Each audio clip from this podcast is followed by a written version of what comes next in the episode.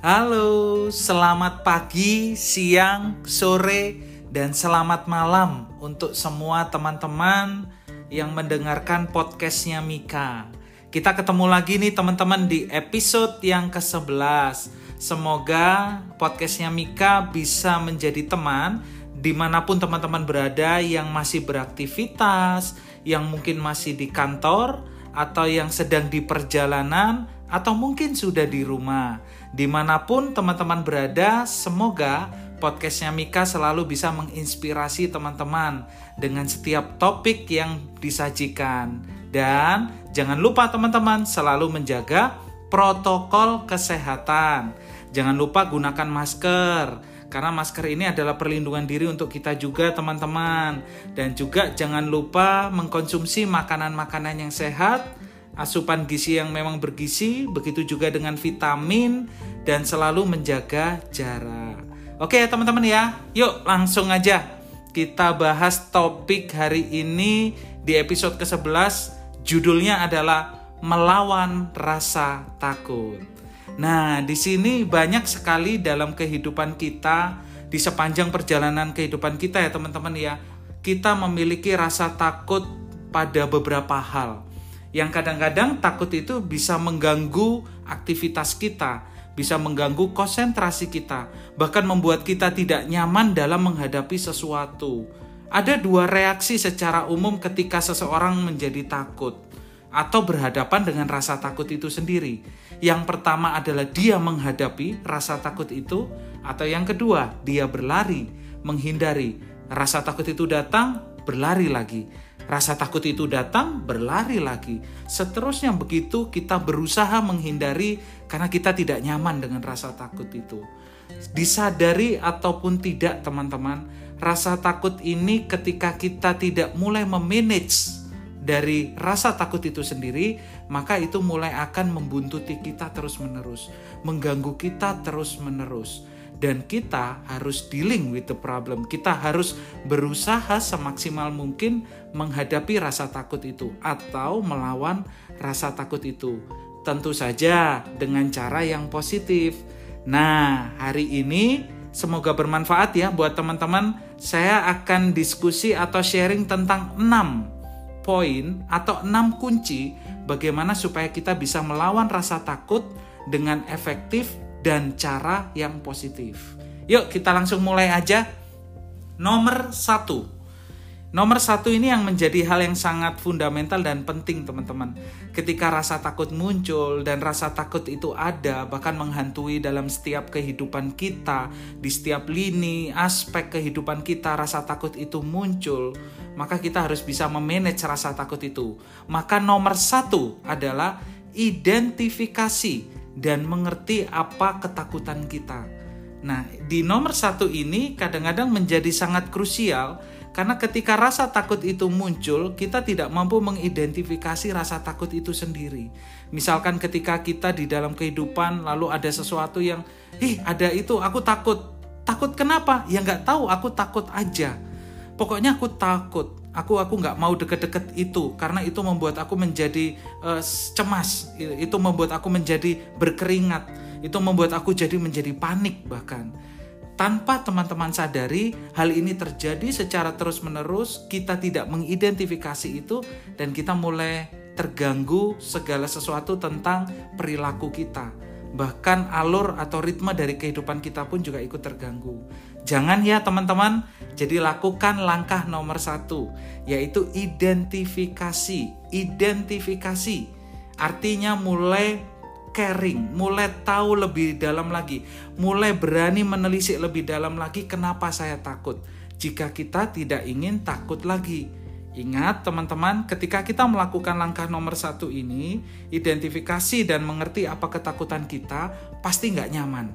Tapi mulailah untuk berani tidak nyaman, berani untuk masuk ke situasi yang bahkan nggak nyaman buat kita untuk membuat diri kita cepat beradaptasi dan pada akhirnya kita bisa mengendalikan rasa takut itu atau mengalahkan bahkan melawan rasa takut itu sendiri. Oke ya teman-teman ya, jadi nomor satu identifikasi dan mengerti apa ketakutan kita, kenapa kita takut, kenapa aku harus takut, apa yang membuat aku takut, mulai bermain-main dengan itu boleh e, kak aku nggak bisa deh. Kak aku identifikasi sendiri. Aku aja takut sama rasa takut itu.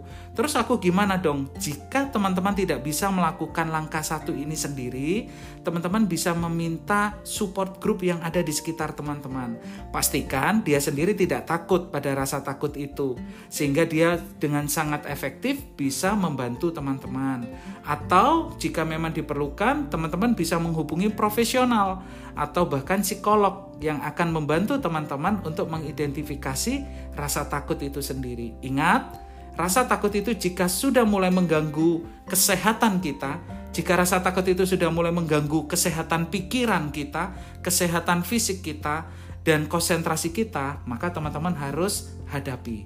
Jangan lari, tapi pahami, mengerti, dan mulai hadapi. Itu ya teman-teman ya, nomor satu. Nomor dua, setelah kita mengidentifikasi dan mengerti apa ketakutan kita, nomor dua adalah terima dalam diri bahwa kita takut akan rasa itu. Di langkah nomor dua ini kadang-kadang ada satu penolakan nih teman-teman. Ketika rasa takut itu muncul, e, misalkan sebutlah kalau di dulu ya teman-teman ini di kehidupan saya, saya paling takut untuk presentasi atau berdiri di depan waktu saya masih SMP dan SMA jadi saya takut banget ketika berbicara di depan umum dan itu saya bisa keringetan-keringetan, bisa apa namanya e, pencernaan tiba-tiba terganggu, bisa batuk-batuk dan seterusnya. Nah, ketika kita punya rasa takut itu sendiri, kadang-kadang ketika kita dalam obrolan, percakapan santai, eh kamu takut ya sama itu ya? Enggak, aku nggak takut. Pas ditunjukin beneran, hah? Ternyata kita takut. Atau bisa jadi kita berusaha menutupi ketakutan itu sendiri supaya tidak terlihat takut padahal sebenarnya kita takut. Sehingga sadar atau tidak disadari unconsciousness kita, ketidaksadaran kita akan men-trigger perilaku-perilaku dalam pikiran kita bahwa kamu sedang bertahan, kamu sedang bertahan, kamu sedang membangun benteng, kamu sedang membangun defense mekanismemu supaya orang lain tidak tahu bahwa kamu takut. Dan sampai pada akhirnya ketakutan itu sendiri datang mendekati garis batas bentengmu dan akhirnya jebol, orang baru tahu bahwa kita takut. Jangan ya teman-teman ya. Jadi ketika kita memiliki rasa takut, segera manage, segera maintain. Caranya bagaimana? Yang nomor dua tadi, terima dalam diri bahwa kita takut akan rasa itu. Kenapa kok harus kita menerima? Karena ketika kita menerima, kita memberikan perintah di dalam pikiran kita, human mind, bahwa kita menyadari kita takut pada situasi itu atau pada sesuatu itu. Sehingga ketika kita menyadari kita takut, kita mulai berusaha untuk menemukan langkah-langkah apa yang produktif dan efektif untuk menghadapi rasa takut itu sendiri. Jadi teman-teman dengan menerima itu akan membuat teman-teman bahwa iya aku butuh pertolongan. Iya aku butuh untuk bangkit.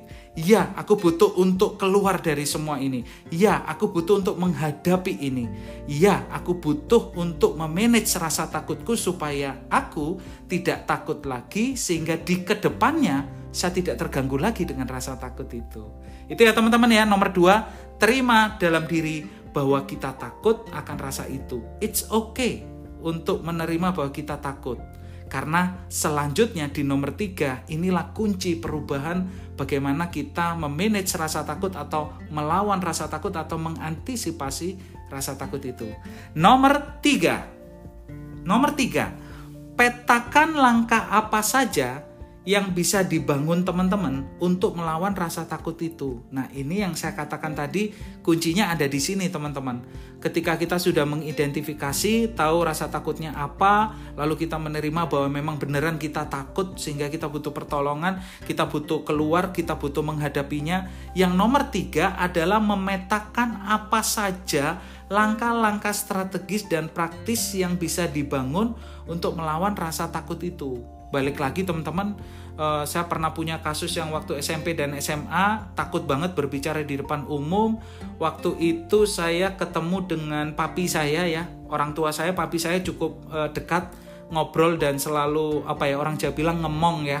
Jadi banyak memberikan arahan-arahan. Waktu itu saya bilang ke papi pi Aku takut Epi untuk berdiri di depan apa segala macam itu rasanya semua mata melihat ke saya, rasanya semua mata mengintimidasi saya. Saya takut bener dan nggak tahu caranya bagaimana. Lalu papi saya bilang, apa yang kamu lihat, apa yang kamu takutin. Dan waktu dalam proses pembicaraan itu, saya mulai mengurai satu demi satu, satu demi satu. Dan papi saya dengan begitu sabar, ayo, le, Le itu panggilan bahasa Jawa sayang ya, teman-teman artinya nak gitu. Ayo Le, sini duduk. Terus gambar, papi saya gambar di kertas. Oke, eh, kamu takut apa? Oh, karena ini, karena itu, karena ini. Supaya kita tidak berpikir bahwa semua mata memandangi kita, opole, cara yang paling efektif yang bisa kamu lakukan supaya itu tidak terjadi dan muncul dalam pikiranmu. Saat itu saya terpikir, wow keren banget ya papi saya sampai saya berpikir bahwa iya ya selama ini saya takut saya tahu itu takutnya apa objeknya apa tapi saya tidak pernah berpikir bagaimana saya memetakan langkah-langkah apa saja untuk saya membuat saya tidak menjadi takut lagi pada rasa takut itu dan seiring berjalannya waktu kami memetakan dan pada akhirnya saya mulai menemukan sekian cara yang efektif untuk menghadapi rasa takut saya berbicara atau berdiri di depan umum. Jadi nomor tiga, petakan langkah apa saja yang bisa dibangun untuk melawan rasa takut itu teman-teman. Teman-teman bisa pakai mind map. Tengah-tengahnya ditulis takut pada X. Lalu tarik, kenapa saya takut? Tarik garis pertama, tarik garis kedua, ke bawah tarik garis ketiga, keempat, kelima, sebanyak teman-teman mau. Tapi pastikan usahakan fokus hanya 5 sampai 8 saja supaya teman-teman fokus pada solusi bagaimana menghadapi rasa takut itu. Nah, ketika teman-teman sudah petakan, teman-teman mulai petakan apa uh, anti uh, atau antitesisnya atau apa obatnya atau apa langkah praktis atau apa tindakan yang strategis yang bisa membuat kita tidak takut lagi. Nah, di situ teman-teman boleh boleh menguraikan aktivitas atau kegiatan-kegiatan yang teman-teman harus bisa lakukan dan secara konsisten teman-teman bisa kerjakan supaya langkah yang bisa dibangun itu bisa benar-benar melawan rasa takut. Itu nomor tiga ya teman-teman ya. Kita lanjut ke nomor empat. Nomor empat. Nomor empat ini adalah langkah terpenting karena setelah kita memetakan langkah apa saja yang bisa dibangun untuk melawan rasa takut, teman-teman harus nomor empat, bangun motivasi dengan dukungan orang di sekitar kita. Nah, ini yang sangat menjadi powerful sekali. Karena kita takut dan kita takut pada sesuatu itu, terkadang kita tidak bisa menghadapi itu sendiri. Karena kita sendiri takut. Itu sebabnya untuk bisa melakukan langkah-langkah yang sudah kita rencanakan di nomor tiga, langkah-langkah yang sudah kita petakan di nomor tiga, bangun motivasi dengan dukungan orang yang ada di sekitar kita. Yang tadi saya katakan, kondisikan orang-orang support group yang di sekitar kita ini tidak takut pada rasa takut yang sama juga. Nanti saya ceritakan uh, tentang uh, peers group, tapi kita fokus dulu ke support group. Jadi support group ini adalah orang yang memberikan kekuatan bahwa kamu bisa, aku temenin kamu, ayo melangkah, pelan-pelan, ayo melangkah maju, ayo hadapi rasa takut, ayo hadapi uh, semua rasa takut itu dengan langkah-langkah yang sudah kita petakan. Nah ini adalah motivasi yang muncul karena kita mendapatkan dukungan yang tepat dari orang di sekitar kita. Jika teman-teman membutuhkan bantuan profesional, teman-teman juga bisa melibatkan psikolog atau profesional uh, untuk menghadapi rasa takut ini di dalam rencana tindakan strategis teman-teman. Nah, singkat, saya ingin juga masukkan apa sih bedanya support group dengan peers group. Pada saat di support group, teman-teman mendapatkan investasi motivasi karena mereka tidak takut dengan itu dan mereka bisa menceritakan pengalaman-pengalaman mereka kenapa mereka tidak takut dengan itu. Sehingga teman-teman mendapatkan investasi positif secara pikiran ataupun tindakan bahkan perasaan dari support group itu. Sedangkan peers group teman-teman boleh e, berkumpul tapi pastikan ini dengan supervisi yang tepat.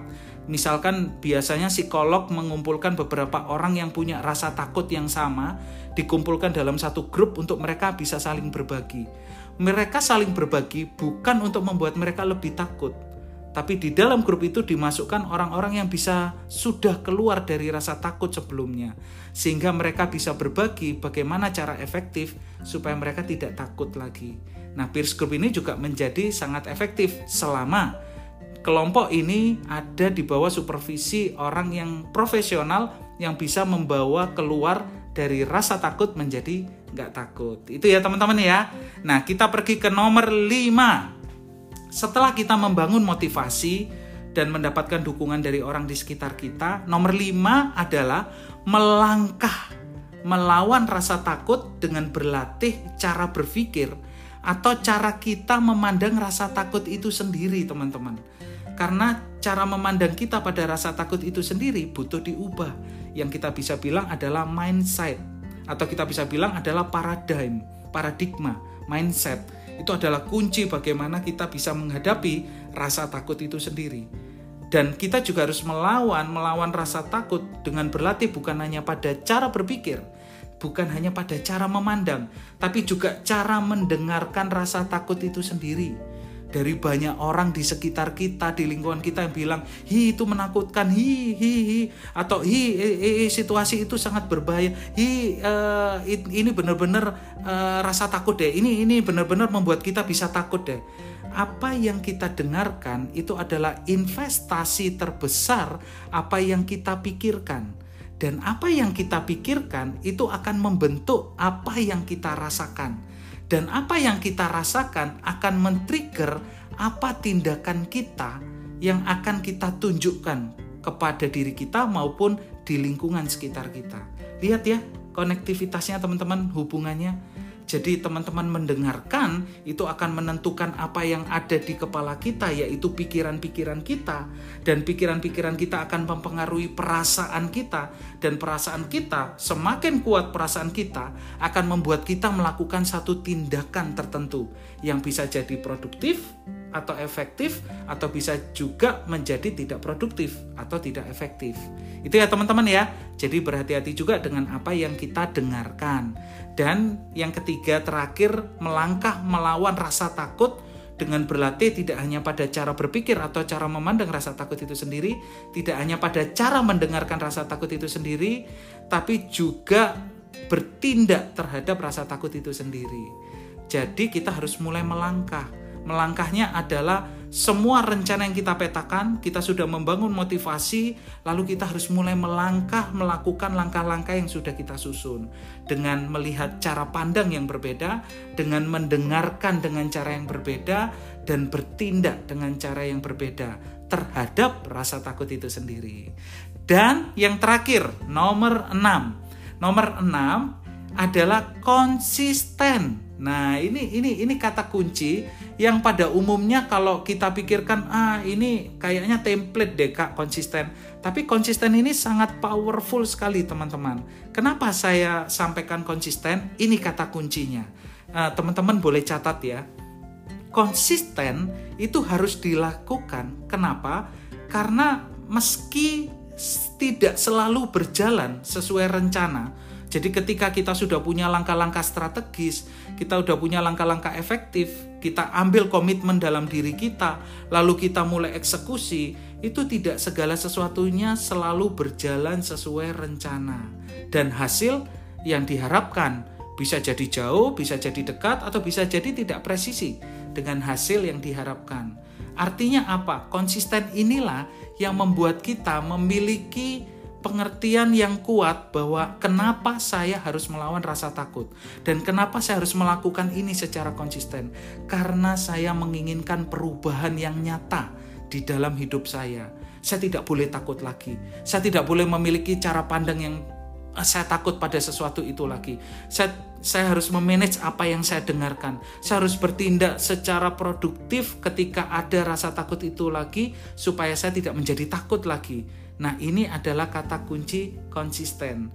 Karena konsisten inilah yang membuat kita ketika hasil tidak sesuai rencana, kita tetap melakukannya karena kita berharap hasil yang terbaik akan didapatkan yaitu dengan tidak menjadi takut lagi.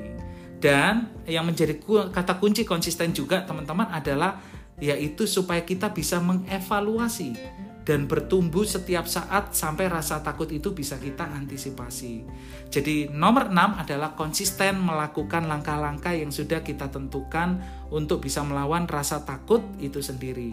Tujuannya walaupun tidak sesuai rencana, tetap lakukan konsisten, tentu saja harus dibarengi dengan evaluasi dan kemudian bertumbuh kembali, bertindak kembali, melakukan tindakan-tindakan efektif kembali supaya kita bisa melepas rasa takut itu. Itu ya teman-teman ya, semoga bermanfaat buat teman-teman. Jadi melawan rasa takut ada enam langkah. Yang pertama adalah identifikasi dan mengerti apa ketakutan kita, kenapa saya takut, apa rasa takutnya. Teman-teman harus mulai aware. Yang nomor dua adalah mulai menerima dalam diri bahwa kita takut akan rasa itu, tidak perlu malu, tidak perlu menolak. Artinya apa? Ketika menerima, kita membutuhkan pertolongan dan kita butuh keluar dari rasa takut itu karena sudah mengganggu kesehatan pikiran kita, kesehatan fisik kita, atau bahkan konsentrasi yang kita butuhkan untuk menjalani hidup. Dan nomor tiga, petakan langkah apa saja yang bisa dibangun untuk melawan rasa takut itu. Kata kuncinya adalah petakan langkah strategis untuk melawan rasa takut. Jadi peta-petakan nggak apa-apa teman-teman pakai mind map apa saja langkah strategis yang bisa menjawab semua penyebab kita takut. Nomor empat adalah bangun motivasi dengan dukungan orang di sekitar kita. Karena kita sendirinya takut, maka kita butuh bantuan orang lain. Yang tentu saja support group itu dikondisikan adalah orang-orang yang tidak takut pada rasa takut yang kita takuti. Itu kata kuncinya ya. Dan nomor lima adalah bagaimana kita melangkah melangkah, melangkah, dan melangkah. Melangkah untuk apa? Untuk melatih cara berpikir, cara memandang kita pada rasa takut, untuk melangkah berlatih, yaitu cara mendengarkan rasa takut itu sendiri, mulai difilter apa yang positif dan apa yang negatif harus kita pilih, dan mulai melangkah untuk berlatih bertindak terhadap rasa takut itu sendiri. Dan yang terakhir, langkah keenam adalah konsisten karena konsisten itulah yang membuat kita semakin dekat dengan hasil yang kita inginkan.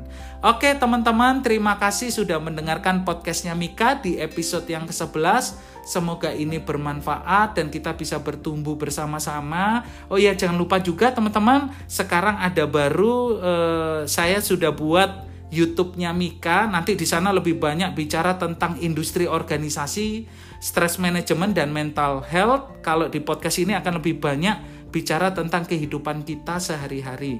Jadi semoga semuanya bermanfaat dan mohon dukungannya supaya bisa melahirkan banyak kreativitas sehingga bisa banyak memberikan energi baru buat teman-teman semua. Oke, itu aja teman-teman. Terima kasih. Jangan lupa jaga kesehatan, gunakan masker, jaga jarak, jangan lupa mencuci tangan, eh, mengkonsumsi makanan-makanan sehat dan vitamin dan jangan lupa jaga pikiran kita supaya kita juga sehat fisik tapi juga sehat mentalnya. Oke, terima kasih dan see you guys.